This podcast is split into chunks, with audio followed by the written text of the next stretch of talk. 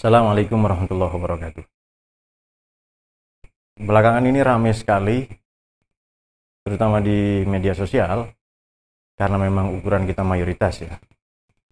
Eh, Kecaman-kecaman, sebagian mungkin aksi, demo, sebagian mungkin kutukan-kutukan ya, bahkan berujung pada pembunuhan yang berangkat dari pernyataan Presiden Prancis ya, Emmanuel Macron mengenai eh, kartun atau karikatur Nabi yang diperbolehkan untuk diterbitkan. Mula-mula begini, sebenarnya di mana pun kita berada, kita harus menghormati hukum yang ada. Di mana pun itu, di mana bumi dipijak, di situ langit dijunjung. Konstitusi di Prancis memang menghendaki demikian. Sebenarnya di negara kita pun lebih kurang sama, tidak kalah sekulernya. Kita ambil contoh. Eh, salah satu tujuan negara didi- didirikannya negara ini, republik ini adalah daulat rakyat.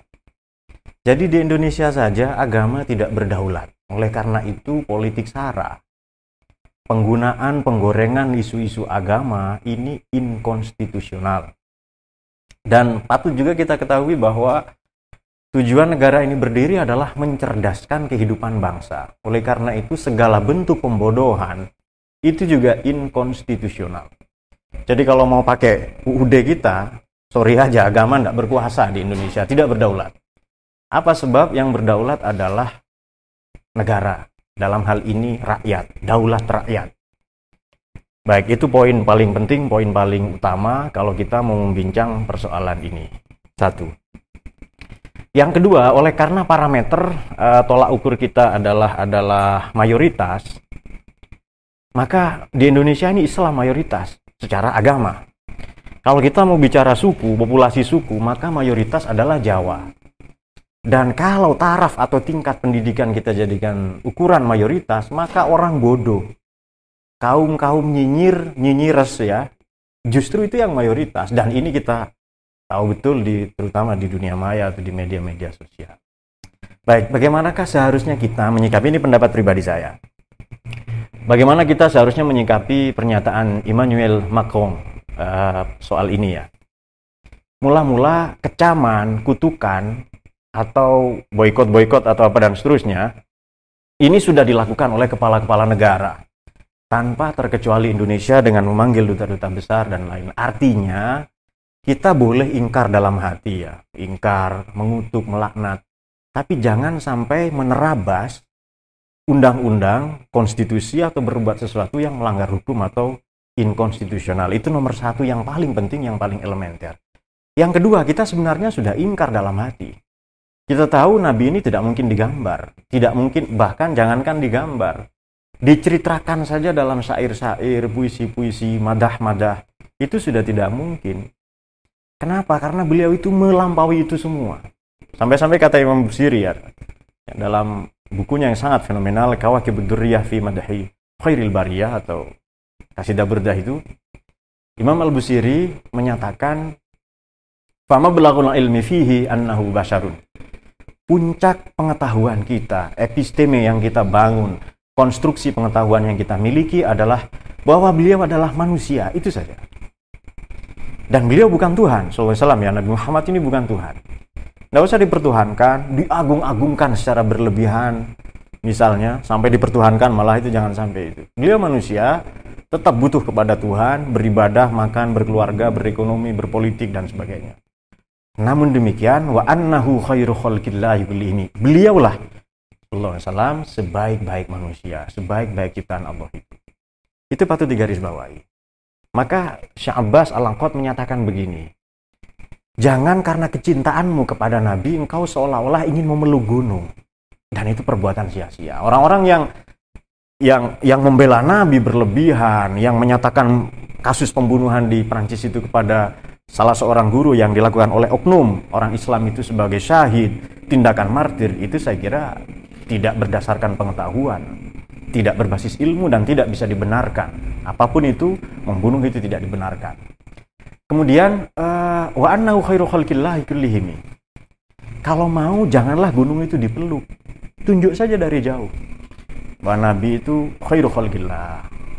faqan nabiyyina fi khalqin wa fi khuluqin wa lam yudanu fi ilmin wala karami. Nabi itu melampaui, Nabi Muhammad dalam hal ini melampaui para nabi, para rasul yang lain. Dan tidak mungkin ia didekati apalagi disamai ya fi ilmin wala karom. Dalam pengetahuan, karena pengetahuannya adalah loh mahfud itu sendiri, maupun dalam kemurah hatian, kedermawanan, memberikan pengampunan, dan seterusnya dan sebagainya. Oleh karena itu, di Quran juga disinggung ya inna syani aka huwal abtar para pembencimu para pencacimu mereka akan terputus abtar ini makna harfiahnya mandul ya para pencacimu pembencimu mereka semua akan terpental sendiri akan terputus sendiri akan rontok sendiri. Pertanyaan sederhana ya. Ini poin berikutnya. Bisakah kita meludahi langit? Tidak mungkin itu akan kena muka kita sendiri. Kecuali saya ngeles biasanya itu nggak kena muka kita. Bisakah kita mengotori langit atau bisakah kita mengotori laut dengan cara mengencinginya? Tidak mungkin, itu perbuatan sia-sia.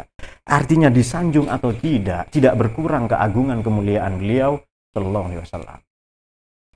Kemudian ada gerakan-gerakan misalnya boykot. Ya, saya mendukung itu. Silahkan saja, itu keren menurut saya. Jangan cuma difoto, diletakkan di lantai-lantai, bakar saja. Itu produk-produk uh, Prancis ya yang keren-keren. Louis Vuitton, Cartier, uh, kemudian Dior, Hermes, Lancome, produk-produknya itu, uh, Christian Louboutin, Chloe, Celine, Jean Paul Gaultier itu produk-produk mahal semua, silahkan dibakar kalau perlu itu ya.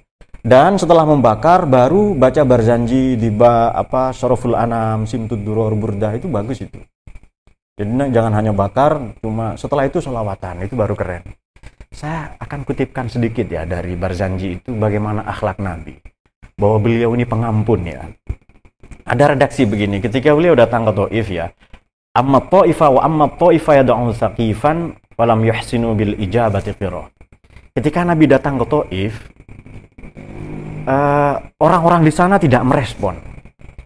Bahkan fasabbuhu bi alsinatin badiyah, mencaci maki dengan ujaran-ujaran yang kotor, penistaan waromauhu bil hijarati hatta khuddibat biddima'in lah sampai beliau ini dilempar dengan batu-batu ya. Sampai kaki beliau ini sandal beliau na'lah ya berlumuran dengan darah. Singkat cerita summa ada sallallahu alaihi wasallam ila makkah hazinan. Beliau pulang ke Mekah dalam keadaan sedih bermuram jur, bermuram durja ya. Malaikat penjaga gunung itu bertanya, "Fas'alahu malakul jibali fi ihlaki ahli hadzal asabiyah." Nabi, bagaimana kalau mereka penduduk Taif itu saya lempar saja dengan gunung ini? Ada banyak versi ya, apakah gunung Tihamah, uh, gunung Astrob itu yang ada di Tihamah dulu memang secara geopolitik dibelah jadi empat ya Saudi itu. Walhasil pendek kata, apakah kalau kau perkenankan Nabi, penduduk penduduk Taif itu saya timpa dengan gunung itu? Apa jawaban Nabi? Faqala inni arju ayyukhrijallahu min aslabihim mayyatawallah. Atrillahu maqbrahul karim yang arfin saziyin min salatin mataslim. Jangan. Ini arju saya berharap kepada Allah ya, agar Allah nanti mengeluarkan minaslabihim dari tulang belakang, tulang sulbi mereka ya, tulang ekor maknanya generasi, keturunan. Saya berharap keturunan mereka nanti ada yang jadi pengikut saya. Jadi betapa Nabi ingin memutus mata rantai dendam, para pencaci, penghina, pencemooh, yang yang memfitnah Nabi fasabuh bi alsinatin badhiyah dengan ucapan-ucapan kotor tadi itu Nabi ingin memutus mata rantai kebencian itu. Biarkan saja. Semoga nanti anak cucu mereka leluhur apa eh, keturunan keponakan tetangga mereka ada yang mengikuti saya. Ini akhlak Nabi ya. Jadi memang ada yang musyakalah. Kalau memukul kita balas pukul kalau menteror kita balas teror kalau mencaci kita balas mencaci. Ada yang munazoroh kita ajak diskusi saja. Saya yakin, hakul yakin, yang menghina, mencaci maki Nabi, mereka belum kenal Nabi kita itu siapa. Kenalkan kepada mereka seharusnya. Yang kita kampanyekan seharusnya akhlak Nabi. Jangan poligaminya saja. Jangan sunatul Rasul. Cie, sunnah Rasul nih malam Jumat. Kok sunnah Rasul dipersempit, dikanalisasi menjadi malam Jumat saja. Ini kan ajaran ajaran entah ajaran siapa. Nah, itu ajaran orang-orang tidak bertanggung jawab. Kalau mau, ajaran rahmatnya, cinta kasihnya. Seharusnya, seharusnya. Oleh karena itu, sikap kita bagaimana? Uh, saya menunggu mereka yang mau bakar-bakar itu silahkan. Setelah itu baca tiba, berjanji, syaraful anam, simtud duror ya, burdah dan lain-lain. Terutama di momen maulid ini. Namun demikian, uh, mereka punya hukum. Dan di Eropa memang dibenarkan hal itu. Itu silahkan ya. Sikap kita bagaimana? Kita tetap wajib ingkar. Kita wajib membela kemuliaan keagungan Nabi kita. Namun demikian, tindakan-tindakan anarkis yang melanggar hukum tidak bisa dibenarkan. Yang tidak kalah penting, yang tidak kalah penting, mari kita kampanyekan kemuliaan akhlak baginda Nabi. Pekertinya, kemudian dan uh, mukjizat Nabi kita ini beda dengan mukjizat para nabi terdahulu yang supra rasional. Mukjizat Nabi kita rasional, ilmu, akhlak, keteladanan. Sampai-sampai beliau itu inna wa ma arsalnaka illa rahmatal alamin, ya kan? Beliau ini bukan datang membawa rahmat, tapi beliau adalah rahmat itu sendiri. Itu dia. Dan kalau para nabi, para rasul itu di surat uh, Al-Qalam ya, uh, Nun wal qalami wa maisturun itu, kalau para nabi, para rasul itu akhlaknya mulia, tapi nabi kita sallallahu alaihi wasallam la'ala khuluqin azim di atas akhlak faqan nabiyyin. Oleh karena itu jangan terpengaruh. Sudah kita yang belajar-belajar, yang bekerja-bekerja, pemerintah silakan perbaiki kinerjanya. Kita sudah ingkar dalam hati, apa e, memboikot mengutuk itu sudah diwakili pemerintah kita. Yang tidak kalah penting mari kita hidup normal kemuliaan nabi tidak akan berkurang hanya hanya karena dijaji dihina. Keagungannya keteladanannya tidak akan tidak akan bertambah hanya karena kita bersolawat ataupun e, fatihah ya hadiah kepadanya jadi bagaimana kita mengkampanyekan keteladanan beliau rahmat cinta kasih kalau ajaran cinta ini sudah disebarkan selesai saya kira saya kira ini ya bahwa Emmanuel Macron itu sikapnya demikian uh, sudah diwakili oleh pemerintah kita. Kemudian uh, yang tidak yang tidak boleh kita abaikan adalah kita negara hukum. Tindakan kita harus berdasarkan konstitusi. Tidak boleh melanggar undang-undang. Dan ini keteladanan akhlak dari baginda Nabi pemaaf. Saya kira demikian semoga menjawab persoalan uh, yang belakangan ini sedang ramai dibicarakan. Assalamualaikum warahmatullahi wabarakatuh.